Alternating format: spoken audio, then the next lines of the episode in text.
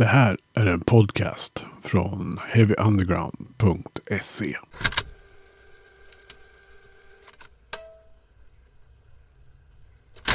Den 30 november släpper ett Dödens Maskineri Kulturkriget. Ni som har hängt med Intro Podcast och senare Heavy Underground vet ju att ett Dödens Maskineri är ett av våra favoritband. Eh, och att de har varit med förut. Eh, men eh, nu är de med igen. Eller rättare sagt Daniel Garpenbing är med igen. Och ska prata om den kommande skivan som släpps alldeles snart. Och i samband med det här också avsnittet som släpps så börjar vi lägga ut en hel massa recensioner av den här plattan. Så häng med på heavyunderground.se. Jag som säger det heter Magnus Tandgren. Och nu ska vi ägna oss åt kulturkriget tillsammans med Dödens Maskineri och Daniel. Jag önskar er en trevlig lyssning. Heavy Undergrounds podcast eh, tar sig ett snack med eh, Daniel Garpenbring från eh, Ett Dödens Maskineri. Välkommen tillbaka kan man väl säga. Tack så hjärtligt. Fasiken, det är, är det tre år sedan sist? Ja, det är det. Mm. Mm. Vi ställde oss upp för det svenska hatet. Precis. Ja. En fantastisk debutplatta. Tack så mycket. Mm. Jag, är fortfarande stolt över den. Den, den, den. Jag tycker den håller än. Ja, det gör den absolut. Vi ska, ja. vi ska ta tag i den strax. Men eh, mm. jag tänkte bara liksom så här, incheckning i början. Det ska man ha, har jag hört på sina mm. samtal. Eh, läget i laget och sett Dödens Maskineri så här i november 2023.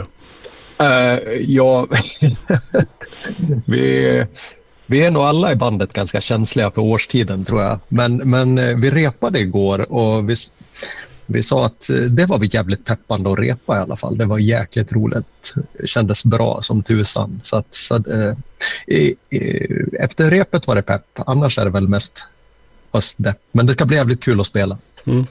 Jag tänker, mm. det är inte det man har ett band till kanske? Och musiken generellt sådär?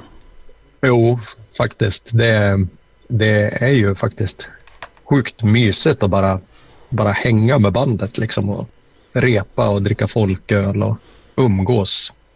Det kan få en igenom dystra årstider. Mm.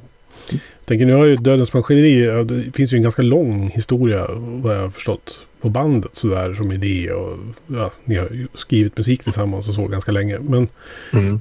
det är väl ändå, kan man väl säga efter samband med att debuten släpptes och sådär som liksom bandet på något sätt tog sig en, liksom manifesterade sig på riktigt liksom. Ja, typ kanske något år innan då. Ja. Men när, när, vi gick in och spelade in eh, första EPn, det var, som är en del av skivan, det var väl då det liksom tog sig. Jag och Andreas har ju håll, hållit på med det här i, som sidoprojekt i, ja, jag ska inte säga en årtal för han skulle ändå rätta mig, men det är, det är länge. Ja. är det. Ja. Och jag har väl liksom alltid skrivit krustlåtar ända från det jag var 15 typ så lirade jag i krust i ett, ett punkband i Sveg.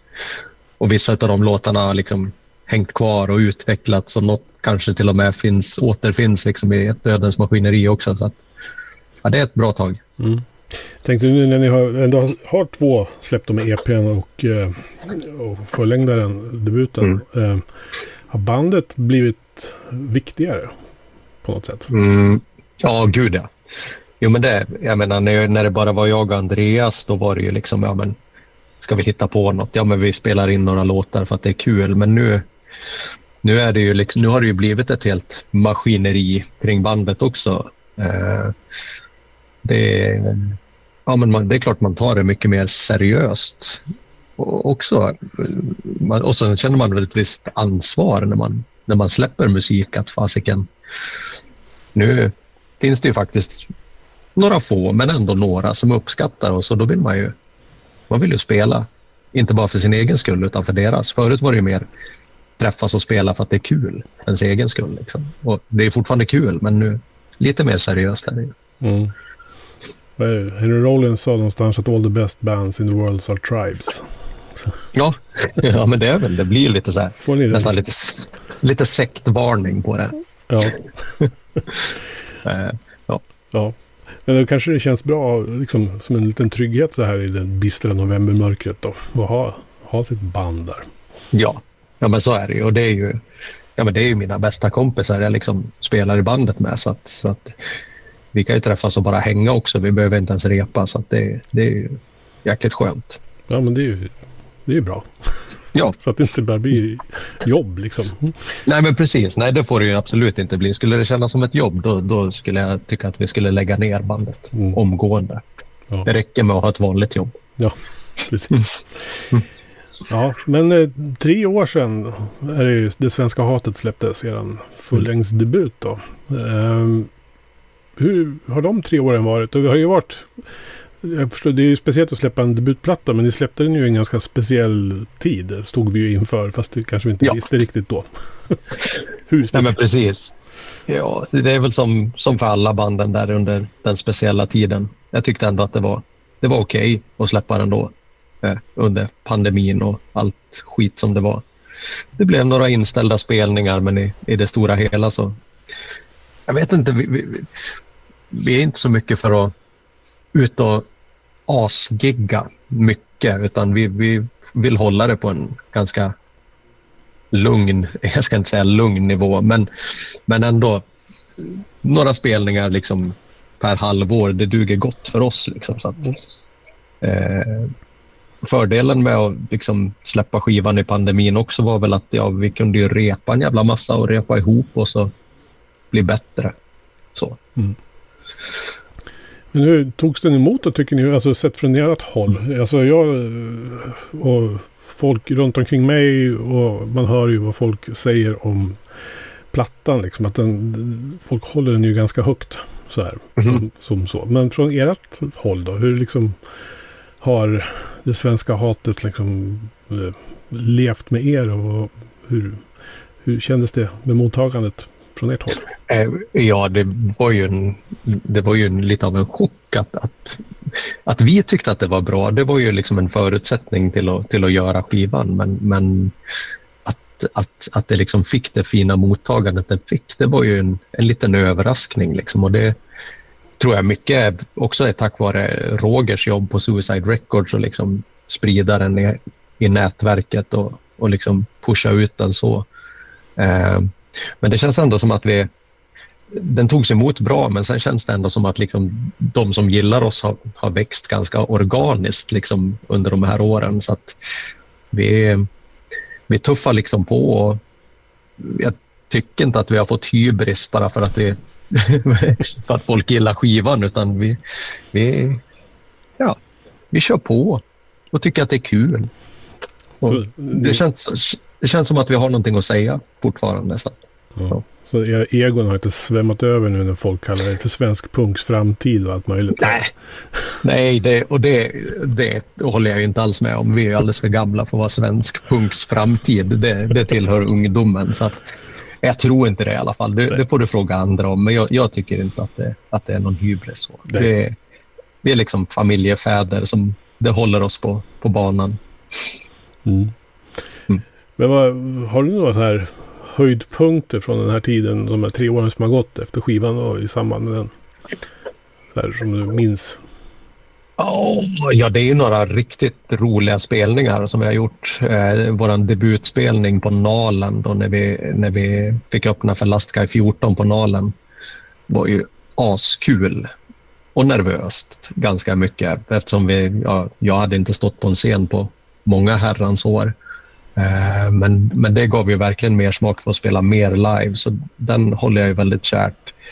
Eh, sen har det varit jättemånga roliga spelningar. Ja, du var ju när vi spelade i Krylbo. Den tyckte jag var svinkul. Mm.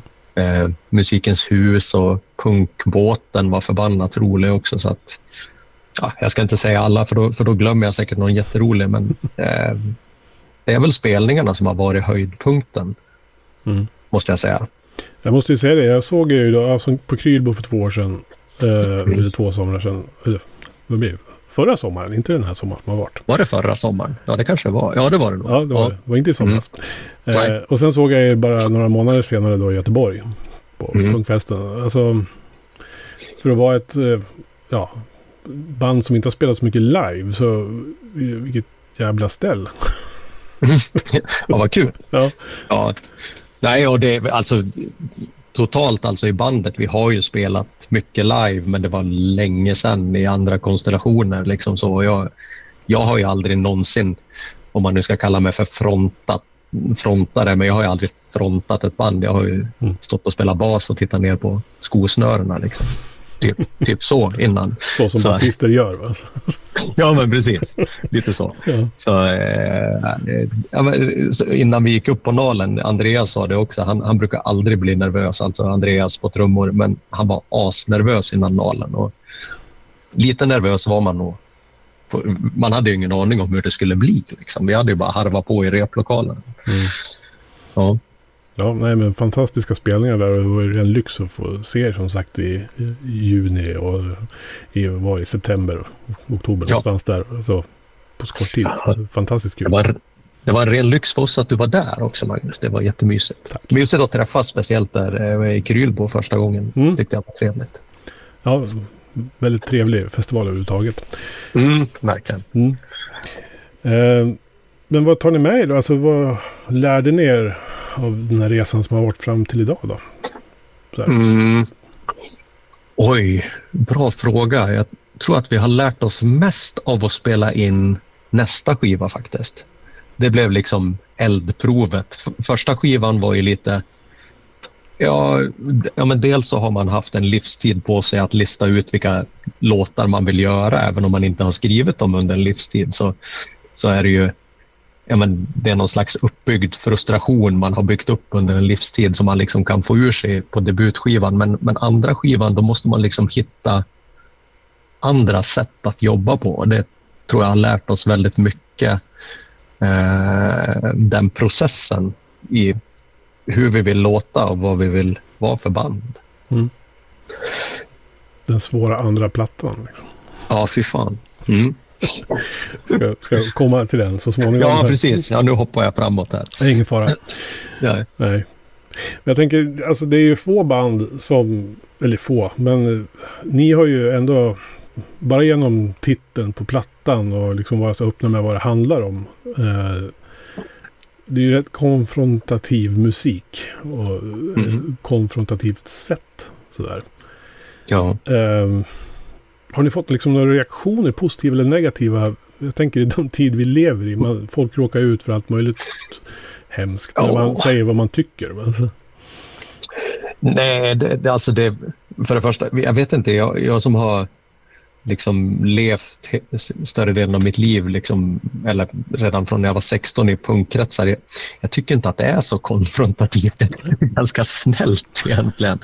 Uh, man hade nog kunnat vara mycket mer konfrontativ egentligen. Mm. Eh, det är liksom det är mina värderingar, de jag har levt med hela mitt liv. Jag tycker inte att de är speciellt extrema eller, eller liksom konfrontativa egentligen. Eh, men nej, så mycket negativt har vi nog faktiskt inte fått. Det är väl några bittra troll på Youtube som har kommenterat att vi bör lägga ner och sånt, men det, det är liksom det är ingenting som bekommer mig speciellt mycket. Sen vet jag väl också att det, ja, men vissa inom den liksom hårdare krusten tycker att vi är lite, lite tralliga och, och så. Det, kanske någon på trallsidan som tycker att vi är för hårda. Och det, men det är liksom ingenting som... som nu, nu, hur ska man svara på det utan att låta som ett svin? Men det är ingenting som rör mig i ryggen. Nej. Nej. Jag, jag, tycker det är lite kul också. Jag, jag, det är klart man vill provocera. Ska, ska det liksom förändras någonting så, så måste man ju försöka provocera lite. Så att, eh, jag hade nog önskat att det skulle bli lite mer mothugg. Alltså skivan kanske inte är så konfrontativ så, men jag tänker i, satt i sitt sammanhang i den tiden då. Mm. Som, för tre år sedan, då satt ju du och jag och pratade om hur hemskt det var med SD och allt vad det var. Mm. Mm. Idag låter alla som SD när de pratar mm. politiken. Alltså, det är, kontext, ja, det är, kontexten kanske som gör att den släpper man en skiva som heter Det svenska hatet. Liksom, som så tydligt pekar på en liksom, strömning i svensk, mm. det svenska samhället. Eh, som gör att den känns, det är ju provocerande eller liksom konfrontativ. Då, men det är ju tragiskt att man tänker så. Ja, ja men precis. Hade den kommit i en annan tid då hade det ju varit fullt rimliga mainstream-åsikter egentligen. Men nu, men nu kom den liksom i, i en tid där vardagsmat som jag tror folk inte ens tänker på hur jävla hur den liksom rasistiska retoriken har, har ätit sig in i samhällsdebatten. Mm. Till vardags. Ja. Mm. Tänker du om det? Så här. Ja, ja. Och vi pratade om november och mörker, men, men det mörkret är ju tusen gånger värre. Mm. Eh, det, ja, det är, nu är det lätt att gå vidare till nästa skiva igen, men det är på något sätt om, om, om första skivan var väldigt eh, rakt på sak, liksom antirasistisk, eh, ganska aggressiv så, så kanske nu genomsyrar lite mer att ja, men det, känns, det är fortfarande aggressivt och sånt men, men kanske lite mer sorg över hur fan det har blivit. ja. Tyvärr. Ja. ja, den andra skivan, vi kan ju, vi kan ju ta oss in på ämnet. Kultur. Ja, om du vill, om du inte har något mer. Ja, vi, det finns mer, men vi kan ta ja. den här vägen. Det är lugnt. Kultur, kulturkriget. Mm. Fantastisk titel. Vad bra. Den känns också högst, högst aktuell. Mm.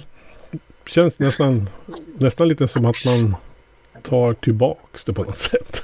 Begreppet. Ja. Alltså, så. Ja, men... Vänder det åt andra hållet på något sätt. Ja, ja men precis. Och eh, lite tanken med var ju liksom att, eh, att visualisera sig kulturkriget och som liksom är en, en, vad ska man säga, en, en värderingsstrid men, men ändå plocka ner det liksom till ett jag tänkte väl där liksom se det framför mig som ett, som ett fysiskt krig istället. Mm. Eh, när, när jag fnulade ut titeln. Och det, den här titeln kom ju redan, det var väl 2001 vi gick in i studion och tänkte att vi skulle banda en EP och då tänkte jag att den EPn skulle heta Kulturkriget men, men sen blev det ingen EP utan det blev en fullängdare så den har hängt med länge, titeln. Mm. Och känns väl bara mer och mer aktuell för varje dag när man följer mediedebatten. Mm. Vad har ni skrivit låtar om då? Det är, alltså, tittar man bara titlarna, det är vapen och ammunition, människovärdighet, blodröd, avgrundsmörkret, högerspöket. Är, man förstår ju ungefär vad det här handlar om. Men vad, ja. vad, hur, ja, det... hur, har du tagit dig an det här? Ja, det är, en, det är en jättebra fråga. Eh, till en början tog jag mig inte an det alls. Till en början så körde jag fast totalt. Eh, riktig blockad när det kom till att skriva texter i, i början. Det var väl liksom att man kände att man hade gjort ur för sig på, på, full, på debutskivan. Och, sen, och de texterna var jag väldigt nöjd med och då liksom sätter man ändå ribban ännu högre för sig själv och då låser det sig totalt. Eh, men sakta men säkert så bara genom att mata och jag, jag, flera av texterna har jag skrivit om och jag har ja, men från första inspelningen så la jag om vissa låtar på andra inspelningen för jag var inte nöjd med texterna. Så det där har varit en, en, en sjukt jobbig process som jag ändå känner att det släppte efter ett tag och det var väldigt, väldigt skönt. Men, men det är ju det är inte liksom precis som Svenska hatet var inte en konceptskiva. Liksom. Det, det, visst, det handlade mycket om rasism och sånt, men det fanns en massa andra ämnen också. Och så är det med kulturkriget också. Det, det, det är många olika ämnen. Uh, men men liksom, om man ska försöka hitta någon tematik så är det väl liksom, men, helt vanliga värderingsfrågor som det har blivit som liksom genom den politiska debatten och polariseringen har, har blivit sådana enkla saker som, som liksom människovärdighet. Liksom. Bara en sån sak som ingen borde kunna debattera egentligen har ju blivit någonting man debatterar. Mm. Allt har liksom blivit politiserat och, och, och, polariserat i de här sådana saker som, som förr i tiden kanske var gemensamma värderingar vi hade har nu liksom blivit stridsfrågor. Så om man nu ska hitta ett övergripande tema på skivan så, så rör det sig väl inom de frågorna. Mm. Men, men sen finns det ju en massa annat annat gött att mm. hitta också. Ja, vad hittar man mer då? Ja, man hittar lite sån här nostalgi som, som drabbar oss män som passerar 40. När man romantiserar om sin ungdom. Um, vi har ju en jäkligt udda fågel på skivan som närmast kan beskrivas som en ballad eh, som heter Distortion to Hell som, som verkligen handlar om ja, men det är en nostalgitripp deluxe liksom, tillbaka till, till ungdomen och mm. drömmen om Distortion Records och få liksom släppa skiva på, få åka till Göteborg och släppa skiva på Distortion. Alltså det, det, är, det man drömde om. Den låten, det, jag tycker det är en väldigt fin låt. Ja, ja. Alltså jag, det, den, den, berör ju på ett annat sätt än alltså, aggressionen gör. Mm. Det, och jag är ju liksom, jag har ju passerat 50 så att min nostalgi är ju ännu värre liksom. Ja, så, ja. Men jag kan liksom känna igen den där känslan eh, väldigt mycket. Det är väl det som liksom slår an en sträng någonstans in i huvudet på mig. Alltså, Ja. Eh, det, men som sagt, jag blev lite nästan, man blev berörd av den låten. Och det, oh, sen, ger, sen ger den ju en fin dynamik till plattan på något sätt. Men precis, det var, och först var det ju inte tänkt att den ens, det var inte så att jag skrev den för att den skulle vara med på plattan utan det var ju mer lite bara för att komma över den här skrivarblockaden som jag hade, liksom att eh, jag behövde göra något helt annat.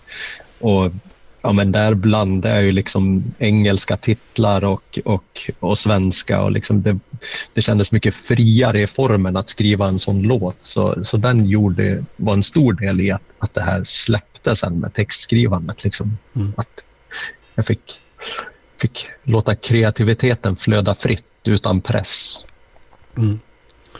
Hur tycker att ni har utvecklats alltså rent musikaliskt i övrigt då, sen, sen senast? Har ni gjort det? Eller har ni liksom hittat no någonting nytt?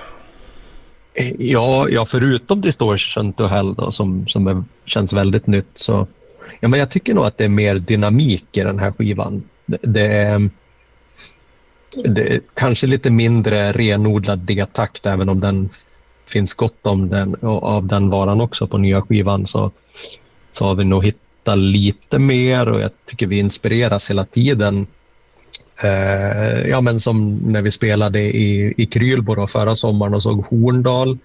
Det inspirerade ju något, djävulskt. Så att, eh, en låt på skivan då, Blodröd, där är ju Henrik från Horndal med och, och skriker på den.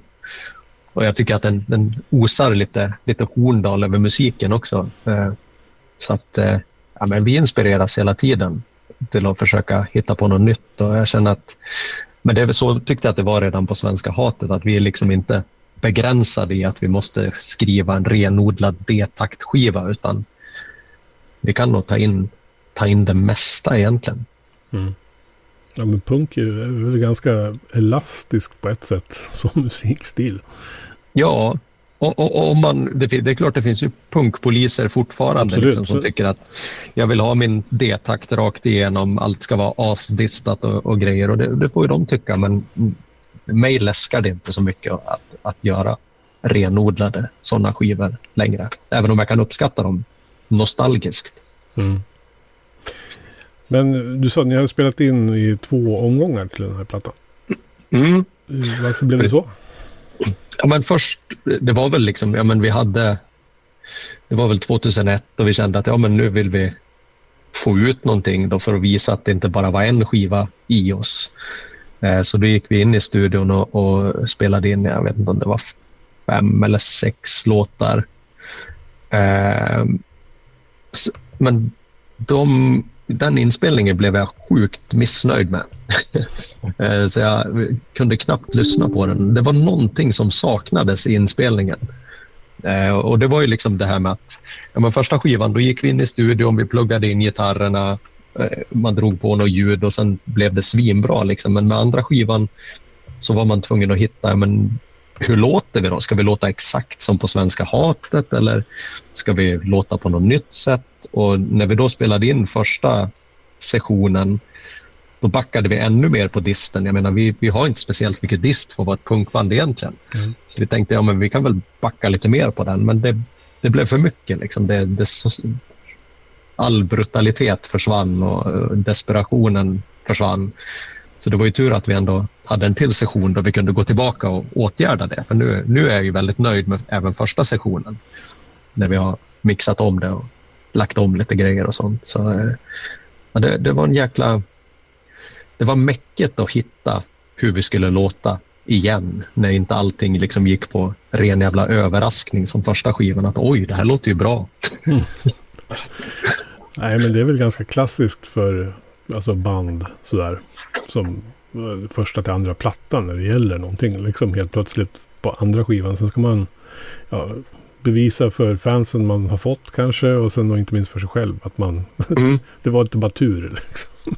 Nej, Nej, och så sen, eh, jag har liksom alltid en sån klar vision om hur, hur, i huvudet hur jag vill att det ska låta och, och, och, när det liksom krockade då den där inspelningen med hur det lät i mitt huvud då, nej, det, det blev inte, inte bra.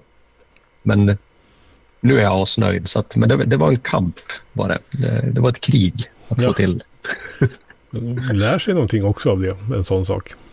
Ja men absolut. Ja, men nu sa vi det att nu, nu när den här är inspelad, ja men nästa gång, då ska vi bara göra en EP. Mest också bara för att ja, men det, det blir inte lika mycket press att man ska liksom trycka ur sig så många bra låtar på ett bräde utan gör det lite mer avslappnat att ja, men vi spelar in fyra låtar och ser vad det blir av det. Liksom, så att, mm. uh, och nu, också nu, nu känns det som att låtskrivandet går mycket bättre efter den här skivan. För nu har vi fått ur oss den.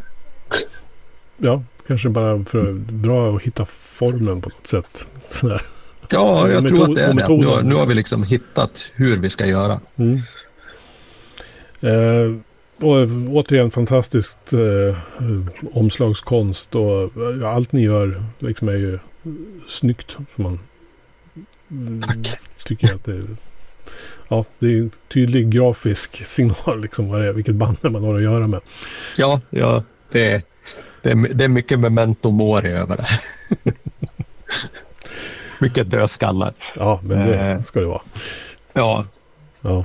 Nej, men den här skivan var ju, eh, omslaget är ju väldigt inspirerat av TV-piraterna. Mm.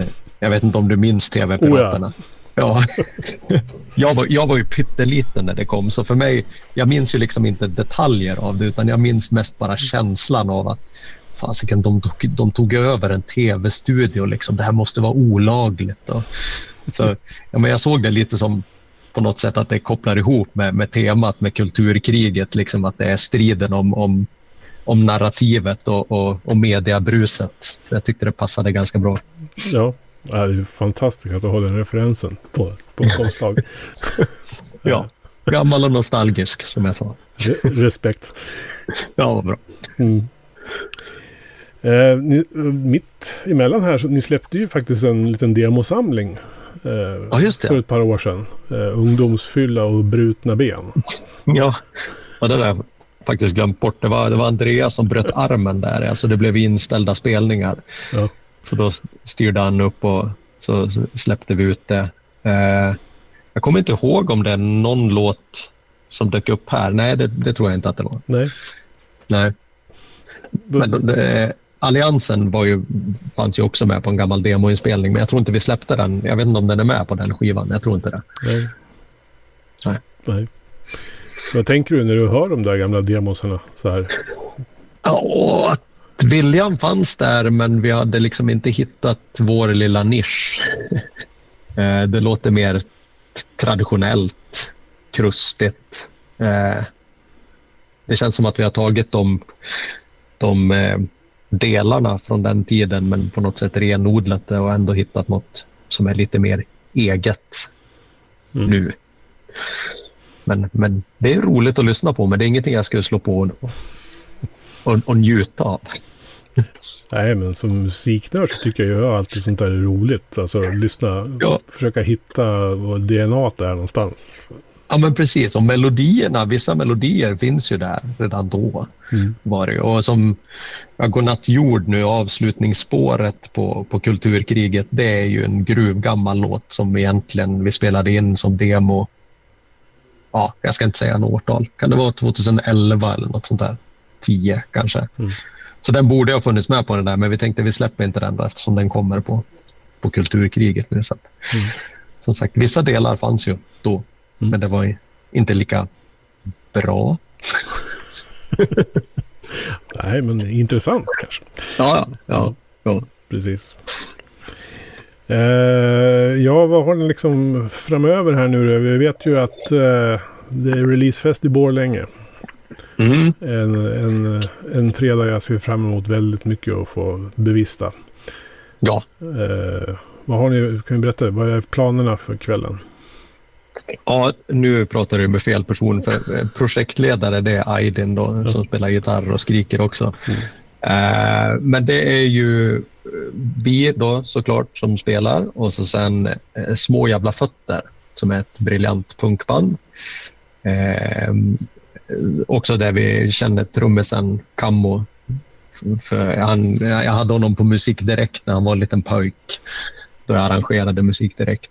Eh, och sen våran gode kamrat Mackan då från Last Guy 14, Kapten Grå, ska också spela. Som också precis har släppt en fantastisk skiva. Mm. Hur bra som helst. Eh, och sen har vi Felicia från Spögelse som, som lirar plattor. Så att, ja, det ska bli förbannat kul. Jag är pepp som tusan på det där. Mm. Ja, jag ser också fram emot att få ta tåget upp till Borlänge och få ja, träffa er. eh, Ja. Sådär. Och Ja, hänga det blir liksom. mys. Ja, men precis. Och Roger kommer ju också. Så att det Ja, blir... då får man en kram. Sådär. ja, då får du kanske till och med en puss. Ja, om man har riktigt tur. Så. Om du har tur. Uh, nej, men det, det, det ska bli förbannat kul. Och det, nu har vi faktiskt varit tvingade att repa in nya låtar. Det, innan har man ju repat på rutin, men nu måste man helt plötsligt börja repa in nytt. Det är ju, det är ju en utmaning för både kropp och själ. Mm. Eh, Roger, vad har han liksom varit för sorts stöd under liksom hela den här resan då?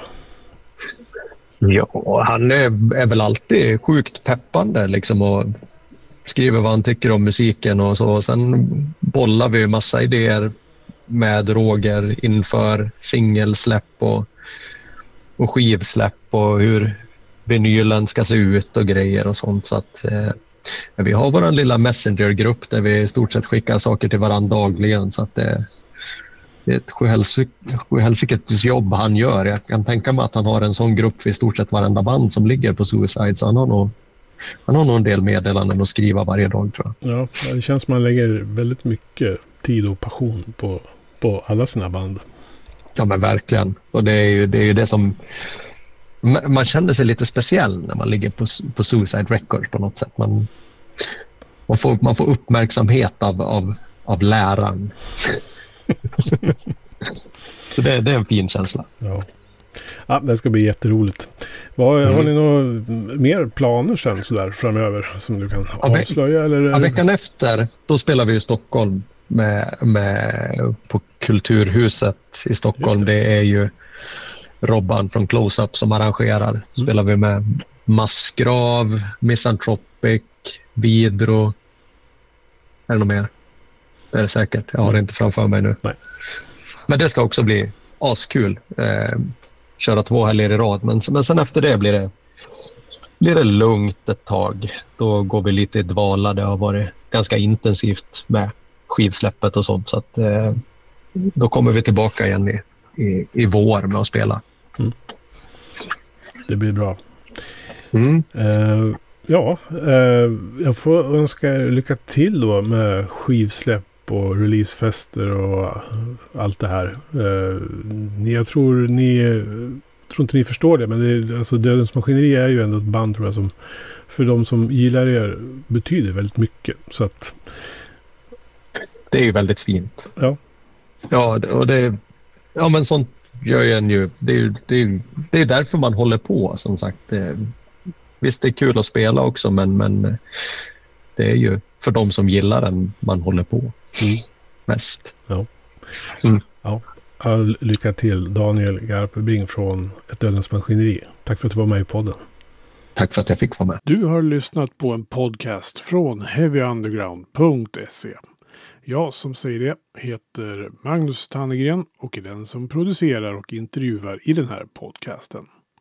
Vill du veta mer om det här avsnittet eller om podcasten i allmänhet? Besök heavyunderground.se eller leta upp oss på de sociala kanalerna på Facebook och Instagram. Tack för att just du har lyssnat. Hey, I met you. You are not cool. I know. Even when I thought I was, I knew I wasn't. Because we are uncool. I'm glad you were home. I'm always home. I'm uncool. Me too. You're doing great. You know, the only true currency in this bankrupt world is what you share with someone else when you're